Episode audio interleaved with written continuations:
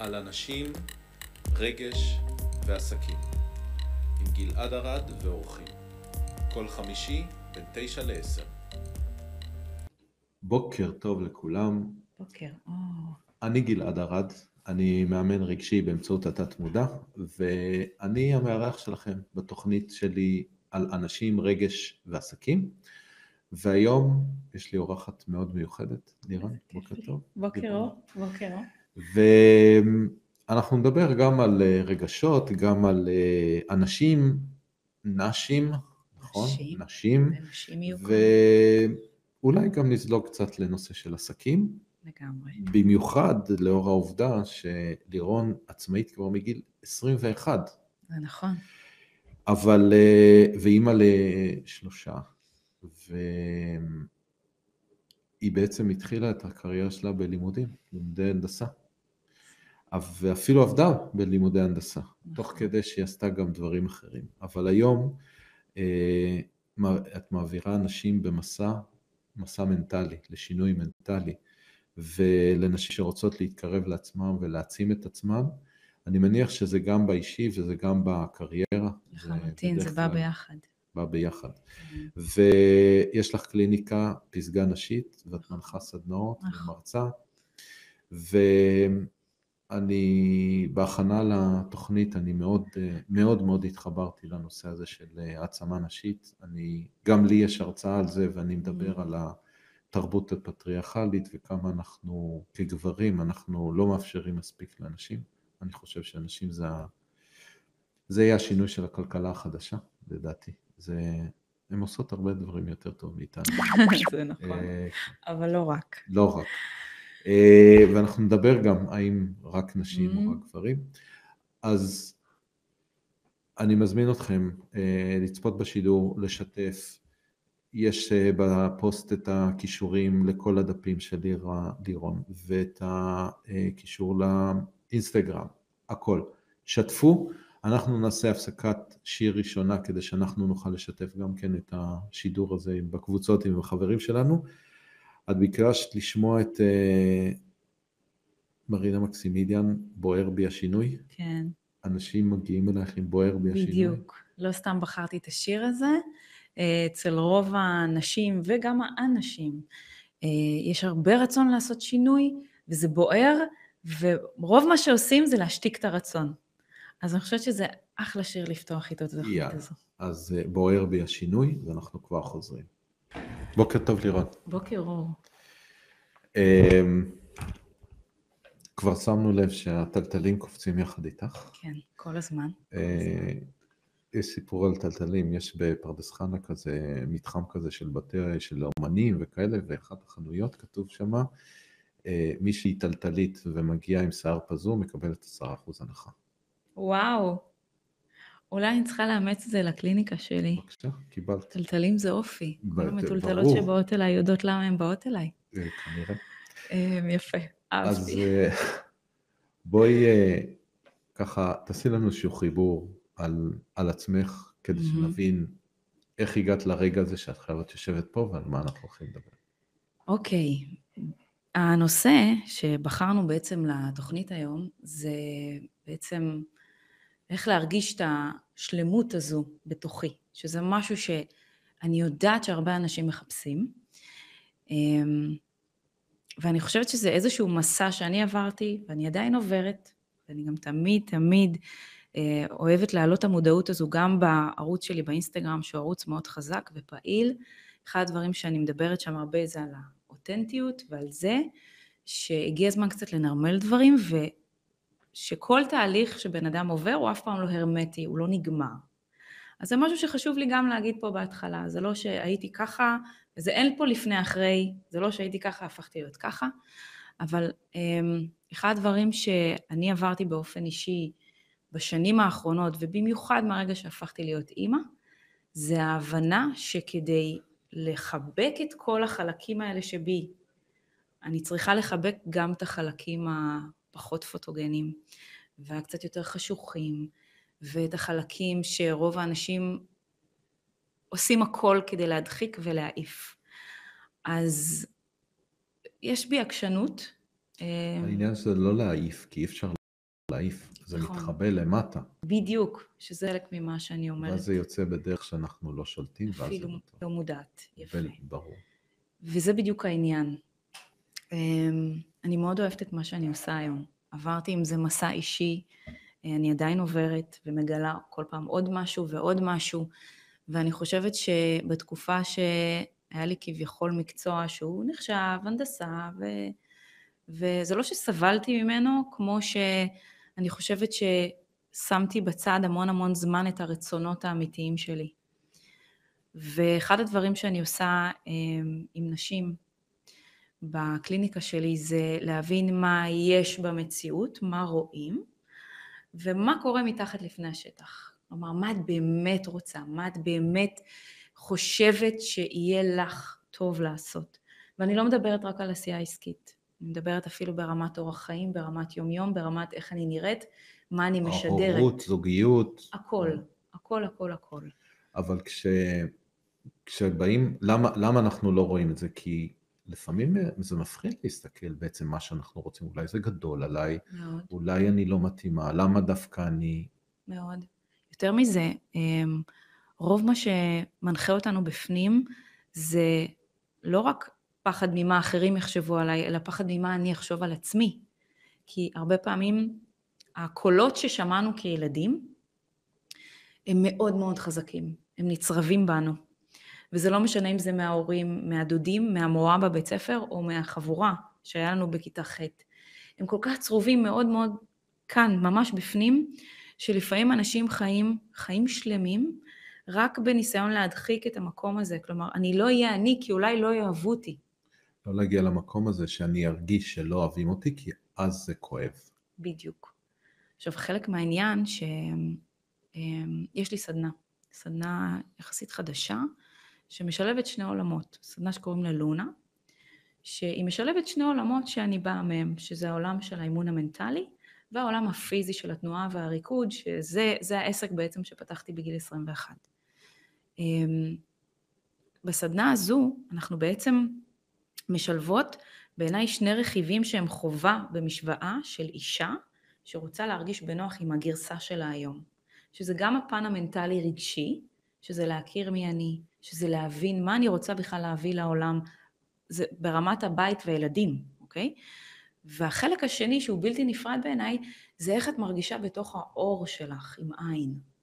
איך אני מרגישה, הפיזי. כן, בגוף הפיזי, כשאני קמה בבוקר, לא בקטע של fitness עכשיו, זה בקטע של מה אני משדרת. אני קמה ונוח לי, נוח לי עם עצמי, נוח לי עם מה שאני משדרת.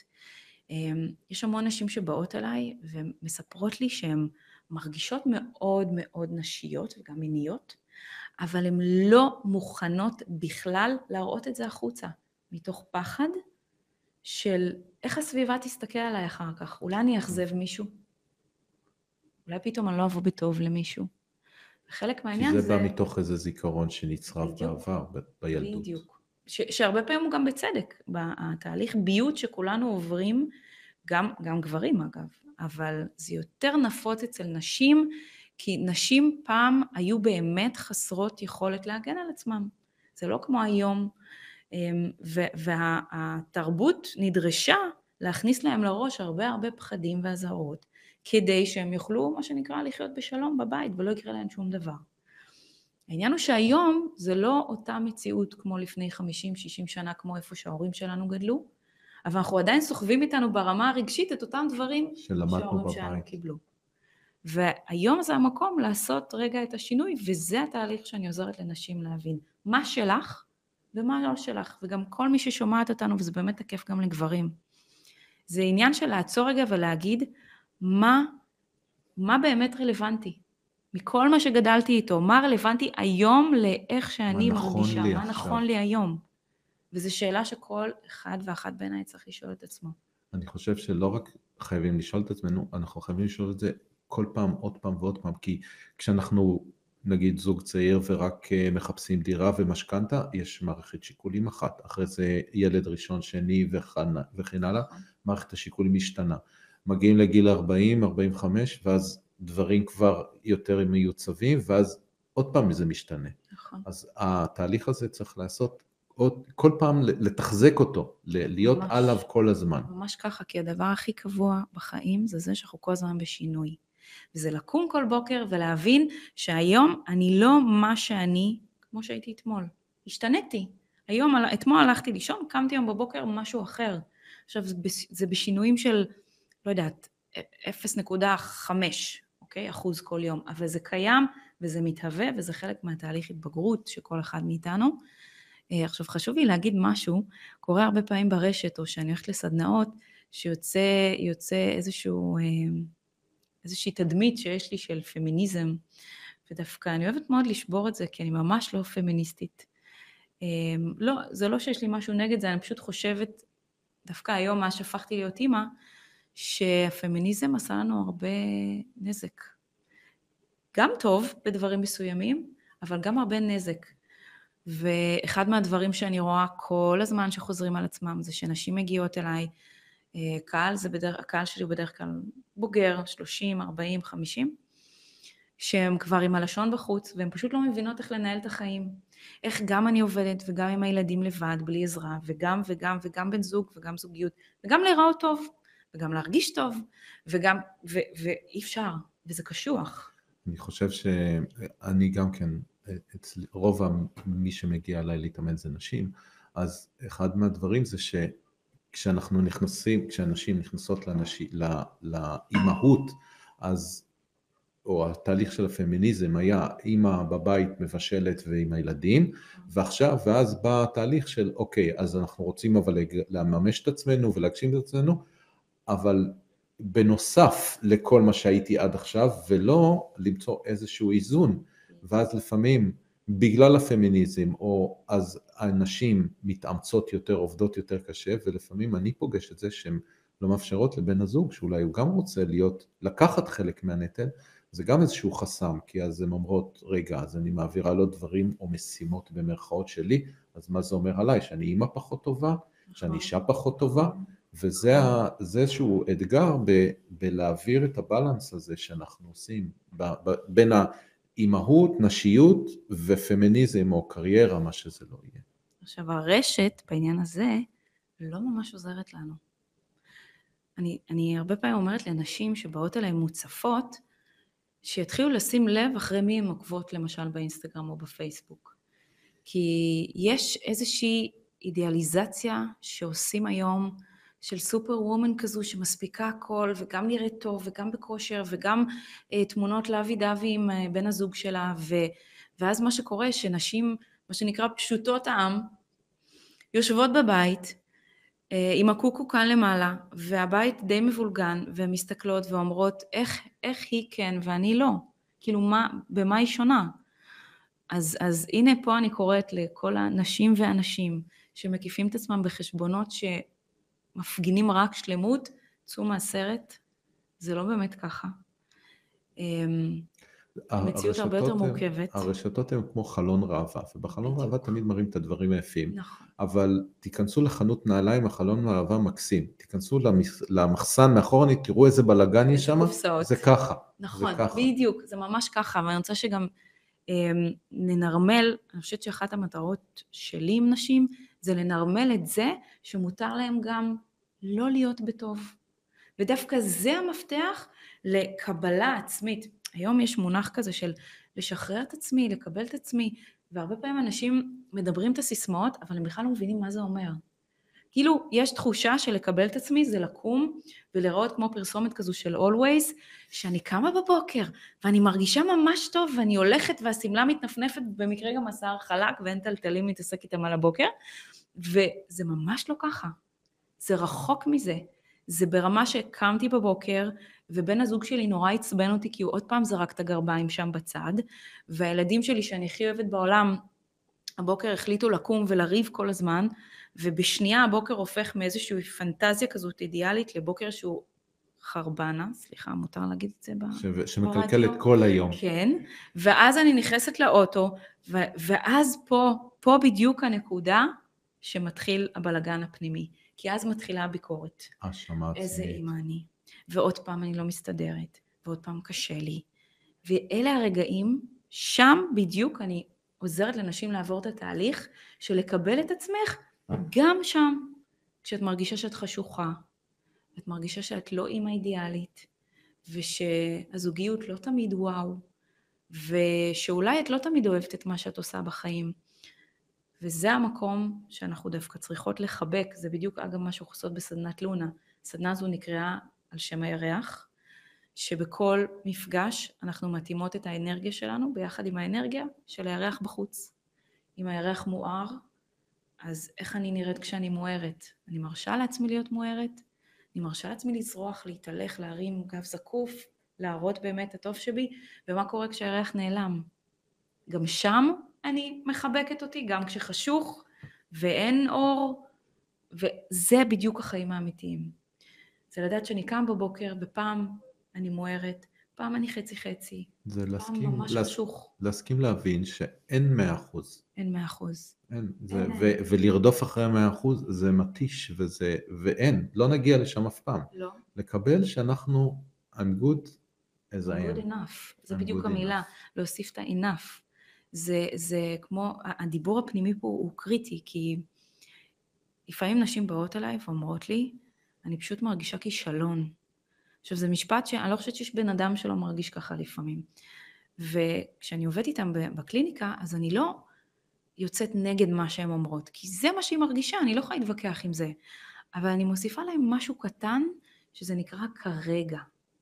אני מרגישה כישלון כרגע.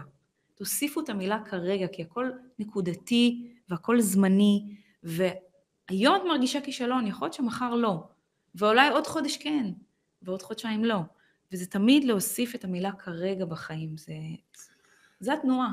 מה, שמגיעות אלייך נשים, מה את מזהה שזה אחד הפחדים הכי גדולים שלהם בתהליך? כי, כי לבוא אלייך זה א', להכיר בעובדה שמשהו לא בסדר אצלי, זה כבר, אבל הם הגיעו. מה, מה הפחד הכי גדול שאת פוגשת אצל נשים? הפחד הכי גדול שאני רואה אצל נשים זה הפחד לאכזב את מי שאני אוהבת. זה הפחד, הוא, הוא בעיניי יותר גדול ממה יחשבו עליי בחוץ. זה אם אני אאכזב מישהו שאני אוהבת, אז אני לא אוכל להסתכל על עצמי. או שהוא, או שהוא יגיד, אז אני לא רוצה אותה, למשל. גם, למשל, הרבה נשים במהלך נישואים משתנות, והן רוצות להוציא את השינוי הזה. זה יכול להיות בקריירה, זה יכול להיות בזוגיות עצמה, ויש להם פחד שהוא הכי מוצדק והישרדותי, זה פתאום מה הילדים שלי יחשבו עליי. איך בן הזוג שרגיל אליי ככה, פתאום הוא יראה אותי ככה. הוא ירצה להישאר איתי?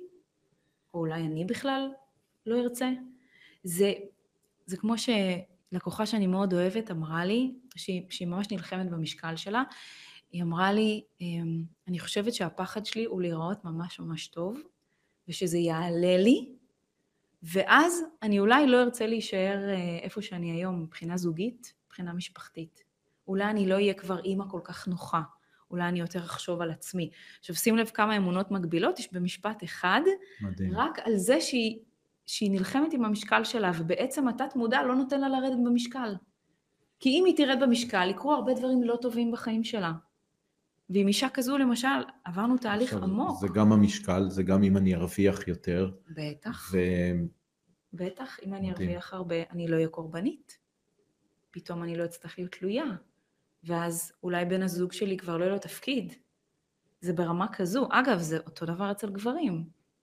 יש נשים עדיין שבאמת באמת אומרות לי שבן הזוג שלהם מעדיף שהם לא יעבדו, והוא מרוויח מספיק עבור שניהם, כי זה משרת איזושהי מטרה שלו.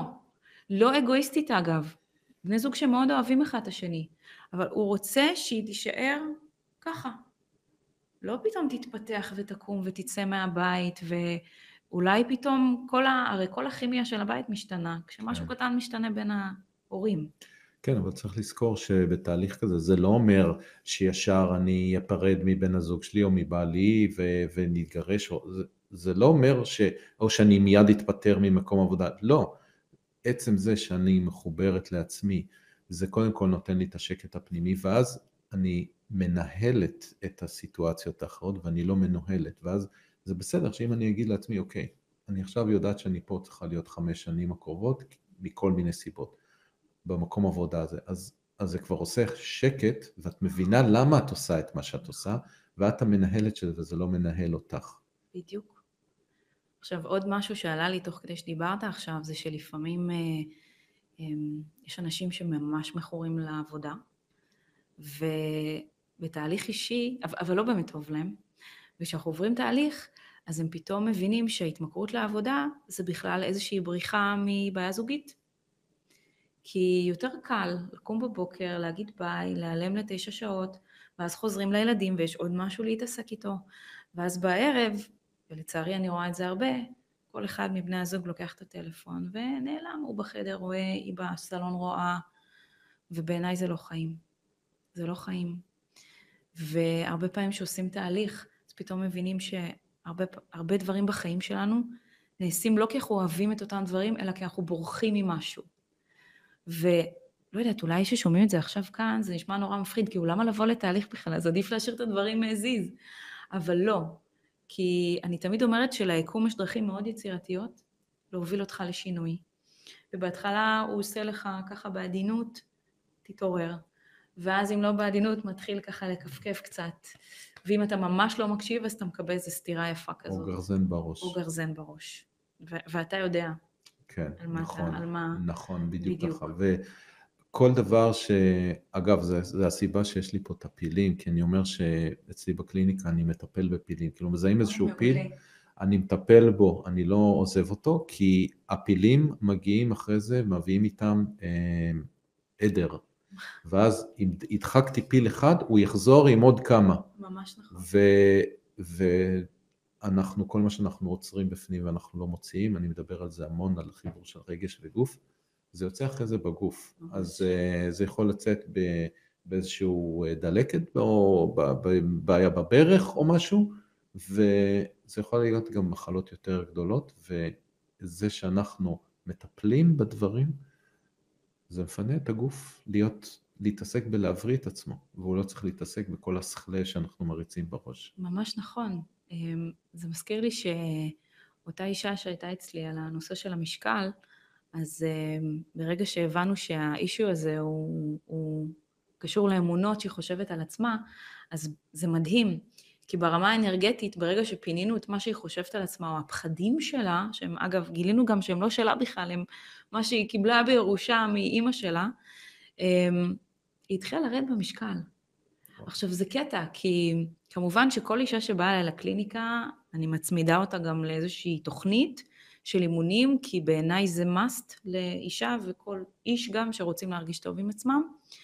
אבל אה, מה שמדהים זה שכל הזמן אמרתי לה, תראי שברגע שתסירי מהגוף שלך את כל השליליות שאת חושבת על עצמך, הוא יסיר את המשקל. כי בעצם מה זה משקל? הרבה פעמים משקל זה, זה משהו שאני רוצה לכסות.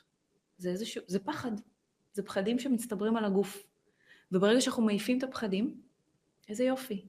אז, לא צריך אותם לא יותר. צריך בדיוק. אז האכילה הרגשית נעלמת. אני כבר לא צריכה לאכול חצי חבילת שוקולד רק בערב בשביל להרגיש טוב, אני יכולה להסתפק בשלוש-ארבע קוביות, ואתה מדבר עם אישה שמאוד אוהבת שוקולד, אז אפשר להסתפק גם בשלוש-ארבע בלי להרגיש שאני מפסידה משהו, כי אני לא מנסה לפצות. וזה גם חלק, העניין, זה חלק מהעניין של לעשות שולם עם הרבה חלקים שבי, זה להבין שאנחנו ממש כמו אמ, פאזל ממש גדול, ויש המון המון חלקים, חלקם קצת יותר מושחרים, חלקם קצת יותר בהירים, אבל אני, אני עדיין חייבת להרכיב את כולם ביחד כדי לקבל את התמונה. קצת כמו פסנתר, שמנגנים גם על הלבנים, גם גם על השחורים. לא מדלגים על השחור כי הוא שחור. ההפך, נוגעים בשחור, מרגישים אותו, הוא משמיע צליל. לפעמים הצליל הזה לא נעים לי באוזניים, לפעמים לא נעים לי לשמוע.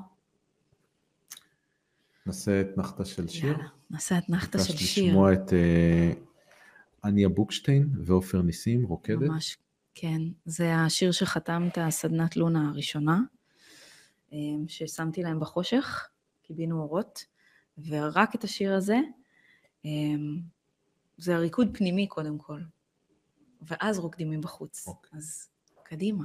יאללה, אז שיר ואנחנו כבר חוזרים.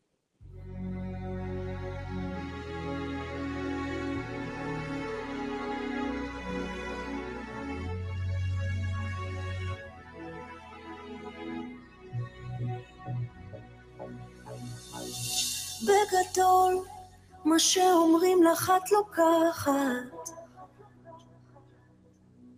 ואת ההבטחות שלך לעצמך את שוכחת.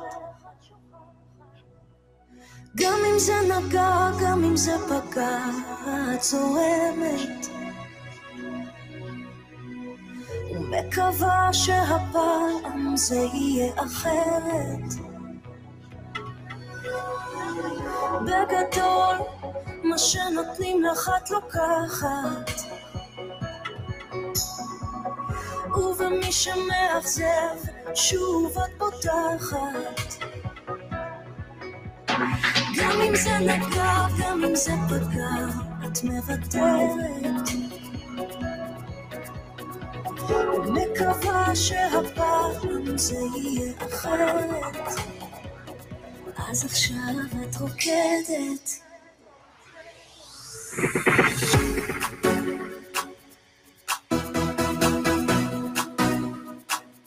כי רק ככה את שורדת.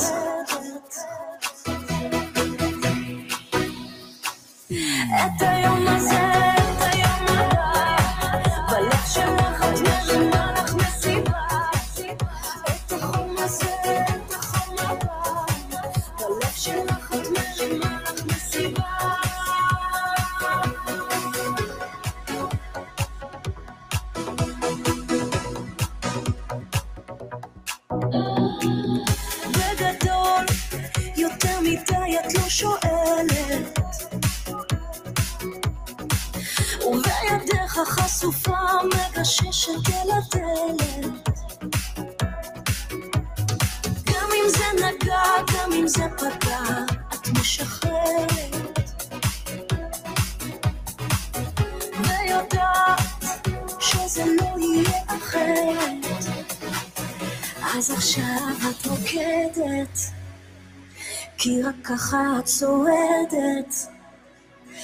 אז עכשיו את רוקדת, כי רק ככה את שורדת.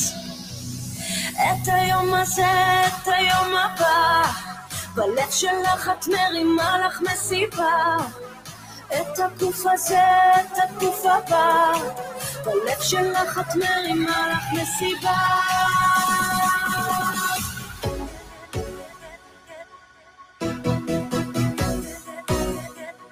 בלב שלך את מרימה לך מסיבה.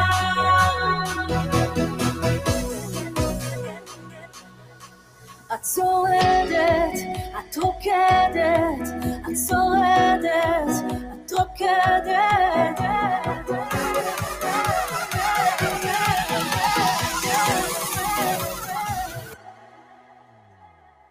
אז עכשיו את רוקדת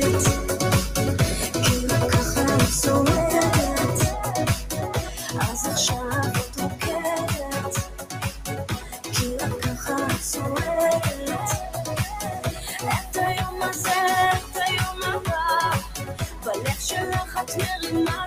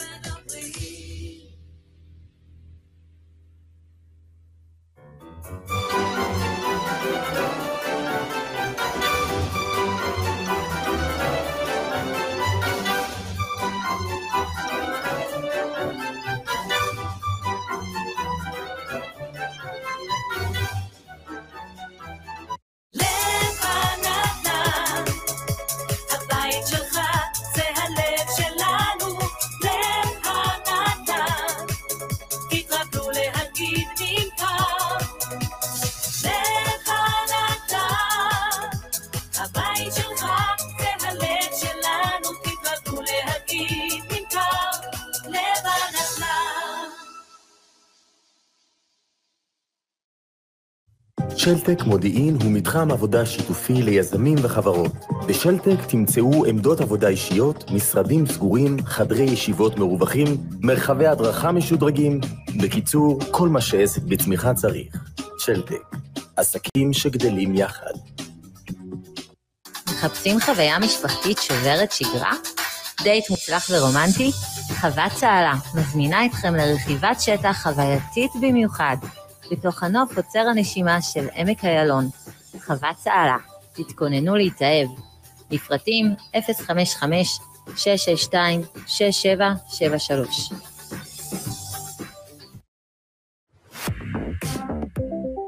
טרייד סטיישן, אפליקציית המסחר זוכת הפרסים.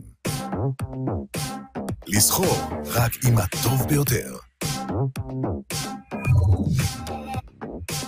אליט פלטפורמס, המקפצה הפיננסית שלכם. ברוכות הבאות למכללה האקדמית לחינוך תלפיות בחולון. מכללה שהיא בית. בבית שלנו יש מרצים עם תשוקה לחינוך. סגל מנהלי עם תודעת שירות גבוהה, והמון יחס אישי לצד מצוינות אקדמית. אלפי בוגרות המכללה המובילות את שדה החינוך בישראל היא העדות הטובה ביותר שמכללת תלפיות הינה המקום הנכון ביותר עבור מי שרוצה להצליח, להשפיע ולחנך את דור העתיד. כי החינוך מתחיל מהבית. לצד המתקנים הפיזיים המתקדמים, המערכים הטכנולוגיים והקמפוס המתחדש, אנו מציעים לכן חמישה מסלולי לימוד לתואר ראשון. חינוך לגיל הרך, חינוך יסודי, חינוך על-יסודי, חינוך מיוחד ואומנות, כך שכל סטודנטית תוכל לבחור את המסלול המתאים ביותר עבורה. במכללת תלפיות תמצאי את כל היתרונות במקום אחד, יחס אישי ותוכנית מותאמת אישית. קמפוס בוטיק חכם וחדשני, מרחק הליכה מתחנת הרכבת, כל זה במרכז הארץ. כולנו כאן בשבילך, מאמינים בך. צוות מכללת תלפיות. מכללת תלפיות לחינוך, ללמוד לתואר ראשון עם החברות שלי בדרך שלי. זו תלפיות שלי. רדיו מודיעין, התושבים מדברים. רדיו מודיעין, התושבים מדברים.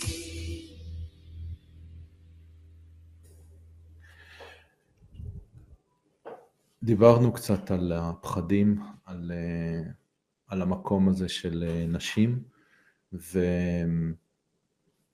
ואיך הפטריארכליות גורמת להם, גורמת לנו כחברה בכלל, אני חושב שזה לא רק זה הגברים, זה גם איך הנשים הוסללו למעמד הזה שבו הן נמצאות. אבל בואי נדבר רגע על הגברים, אוקיי. כי נושא שאני אוהבת לדבר עליו. יאללה. אז אה, בעצם אנחנו גם חווים, אני מדבר כגבר, אנחנו גם חווים בעולם הילדות שלנו את כל הדברים שקיבלנו מההורים שלנו, ואגב, לפעמים אני רואה את ההסללה עוד יותר חמורה אצל גברים, כי מלמדים אותנו שאם אתה לא אה, טייס בסיירת מטכ"ל, אז אתה, אתה לא שווה. נכון, ו...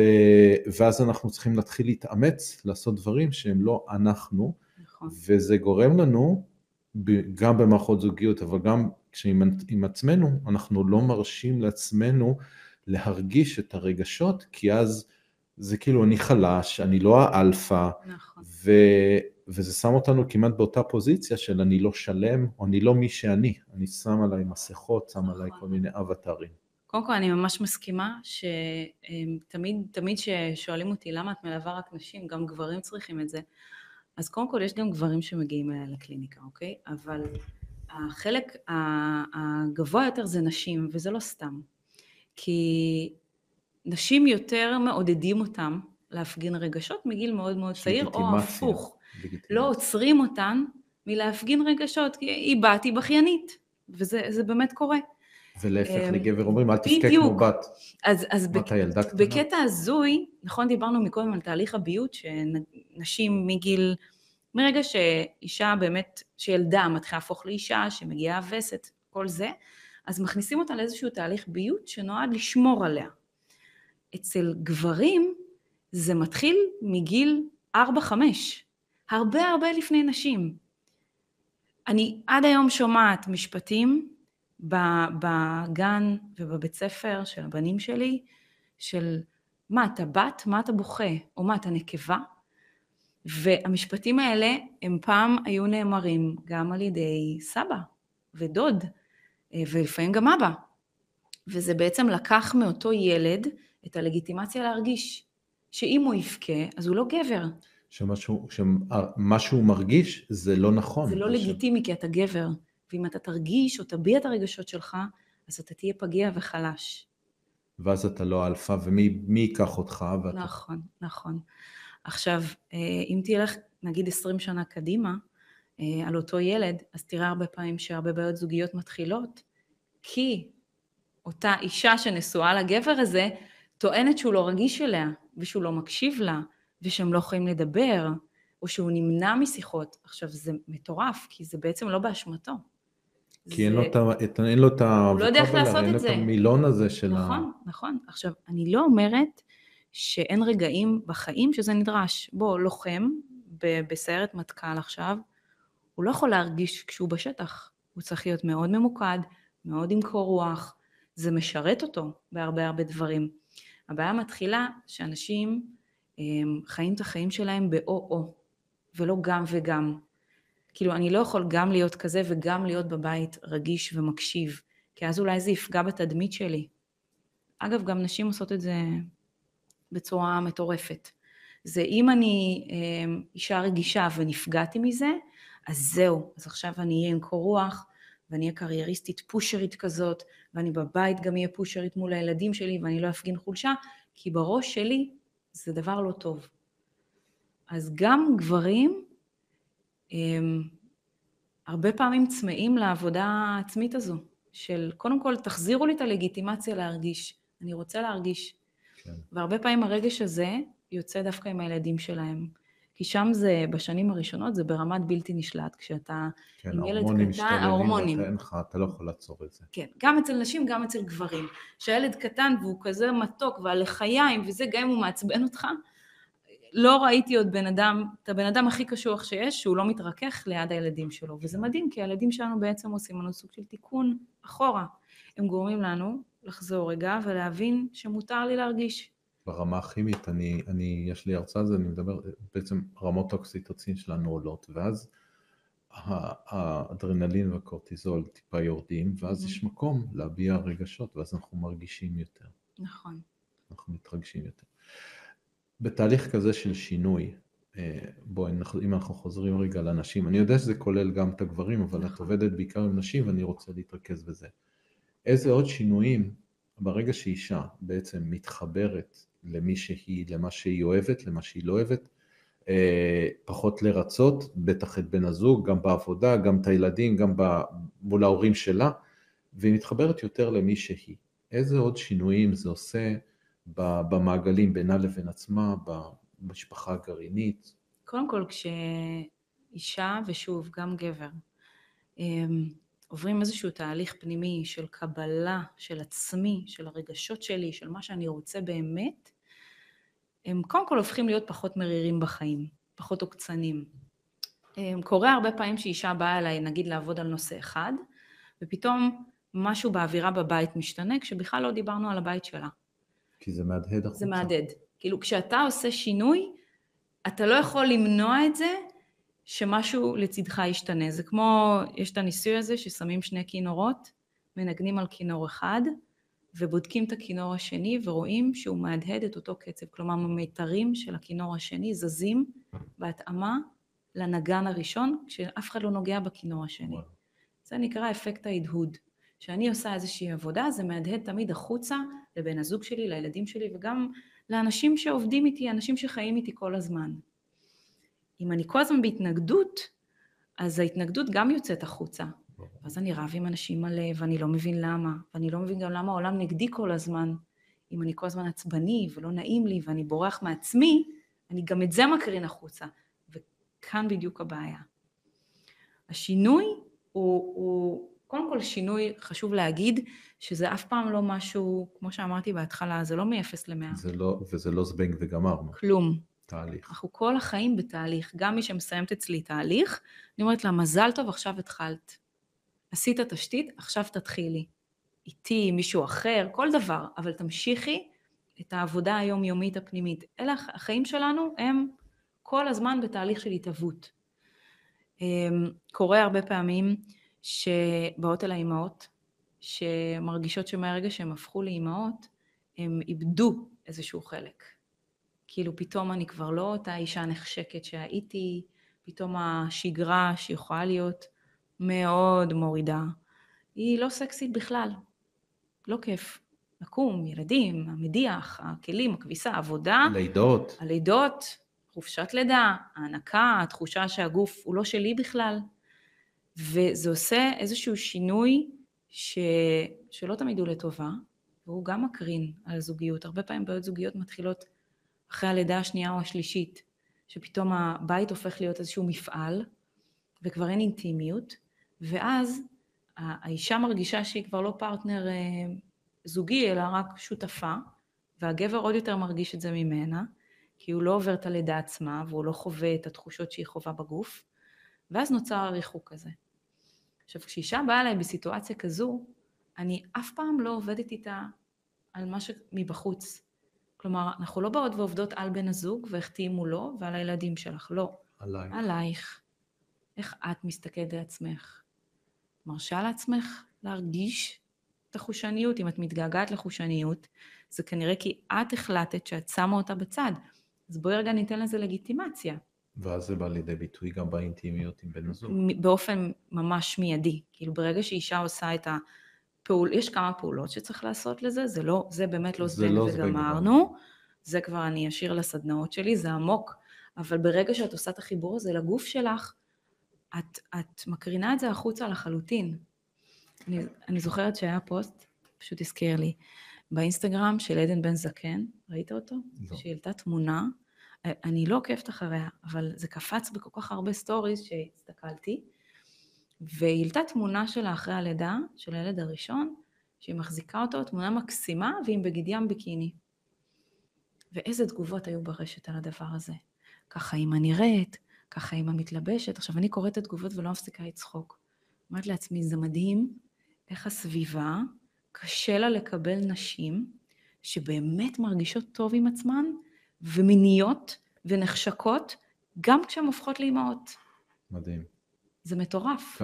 אתה מבין על כל הכותבים, אתה מבין מאיזה עולם הם מגיעים. בדיוק, כי כל אחד שמגיב ככה, מדבר מהפחד שלו. ממה זה אומר עליי? מה, שאשתי תהיה ככה? אוי ואבוי, מה זה אומר עליה? וזה הכל קולות שיש לנו בראש, שאם אנחנו חוזרים לתחילת התוכנית, שכל בן אדם שיש לו משהו שמעורר בו התנגדות, זה לעצור רגע ולהגיד, למה ההתנגדות הזאת? מה, זה משהו ששמעתי אולי מההורים שלי? אז אני רוצה, רלוונטי? אנחנו פשוט מגיעים כבר, הזמן טס. טס, טס. אבל. חשוב לי מאוד שמי ששומעת אותנו עכשיו, אה, מי שמגיעה אלייך, כבר אמרנו בהתחלה, זה כבר אחרי איזשהו שלב שהיא הבינה שהיא צריכה. כן, אני, אני רוצה שתרימי, ת, תסמני פה את הדגלים שאולי מתנופפים ו, ומישהי מקשיבה, היא לא שמה לב. תני שתיים או שלוש דגלים שאת אומרת, אם זה אצלך, אז זה סימן שאת צריכה לבוא ולעשות משהו. תהליך. אוקיי, דבר ראשון, והכי חשוב, זה איך התחושה שלך היומיומית לגבי עצמך. זה בעיניי הגורם הראשון שאישה צריכה להסתכל עליו. לא בקטע של קמתי בבוקר עייפה כי הילדים העירו אותי בלילה, לא זה. אלא כשאני מתלבשת בבוקר, מסתכלת על עצמי, מה, מה אני רואה שם? אני רואה משהו שאני מתביישת בו, או שאני אוהבת אותו. או שאני אוהבת. אמ, שוב, לא הרמטי, יש ימים יותר ופחות, אבל אם ה vibe הכללי שלך זה vibe של שאני רואה את עצמי ויש לי התנגדות, לא למראה שלי, לא אם השמנתי או לא, אלא? למי שאני. אם אני מרגישה שאני אה, חיה באיזשהו ניתוק מעצמי, זה דבר ראשון, מקום לבוא ולעשות איזשהו תהליך, שקודם כל יתחבר לעצמי. אמרת בתחילת התוכנית אה, מושג שאני לא אוהבת. לא, לא בגלל שאמרת אותו, כי כל הזמן אומרים אותו, שאומרים לי שאני מתעסקת בהעצמה נשית. עכשיו, אני מבינה למה אומרים את זה, ואני תמיד אומרת שאני לא באמת חושבת שיש מונח כזה העצמה נשית, כי גם גברים צריכים העצמה. אני אוהבת לקרוא, לקרוא לזה עוצמה נשית, למה שאני עושה בסדנאות. ולמה?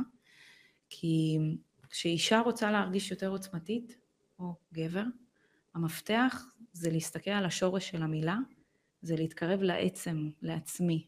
וואי, יפה. אם אני מתקרבת לעצם שלי, למה שקורה לי פה, ומכילה גם את האור וגם את החושך וגם את הימים שאני בטוב וגם את הימים שאני בלא, ברגע שאני מחבקת את הדבר הזה, זה הופך אותי לעוצמתית. אני חסינה. אני חושב שזה ה... כאילו, אם אני מספק, מסכם את התוכנית הזאת במשפט אחד, זה העצם, וואי, בעצם. לא חשבתי על הצירוף הזה. כן. מדהים, מדהים. אני אמרתי גם בהתחלה, אני מאוד מתחבר לנושא הזה של אה, לאפשר לנשים להיות מי שהן, לאנשים ונשים להיות מי שהן, נכון, אה, נכון. כי אני מדבר המון על החיבור של רגש וגוף, זה עושה אותנו בריאים, גם רגשית נכון. וגם בגוף. נכון. אין משהו, אין, אין, אין, אני יכול להוכיח את זה ככה, בעובדות, זה קורה, זה, זה אני רואה את הדברים שקורים. אני רוצה ממש ברגעים האחרונים של התוכנית, וואי, זה טס לי- מהר. טס מהר, מהר. אמרנו כבר שתצטרכי לבוא לפה עוד וואי, פעם, טוב, נכון? אנחנו נצטרך לקבוע עוד תוכנית. יאללה. אמ, יש לי ערכת קלפים שהפקתי, אני רוצה. שנעשה, נשלוף קלף, אז אה, מעברון קצר ונשלוף. קלפים.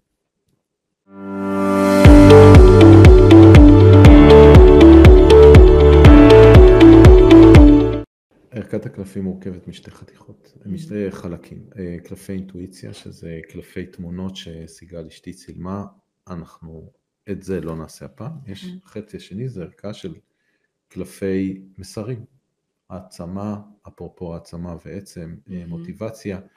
אז אני מזמין אותך אה, לתת איזה ערבוב ולשלוף קלף, ונראה כמה אנחנו מופתעים מהדיוק שלו. של התוכנית, אה? ממש ככה. רגע, אני אעצום עיניים.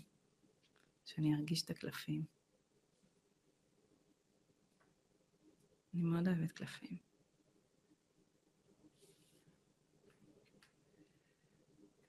או, תקראי, שלך. אוקיי, אוקיי. זה המשפט הראשון שאמרנו בהתחלה.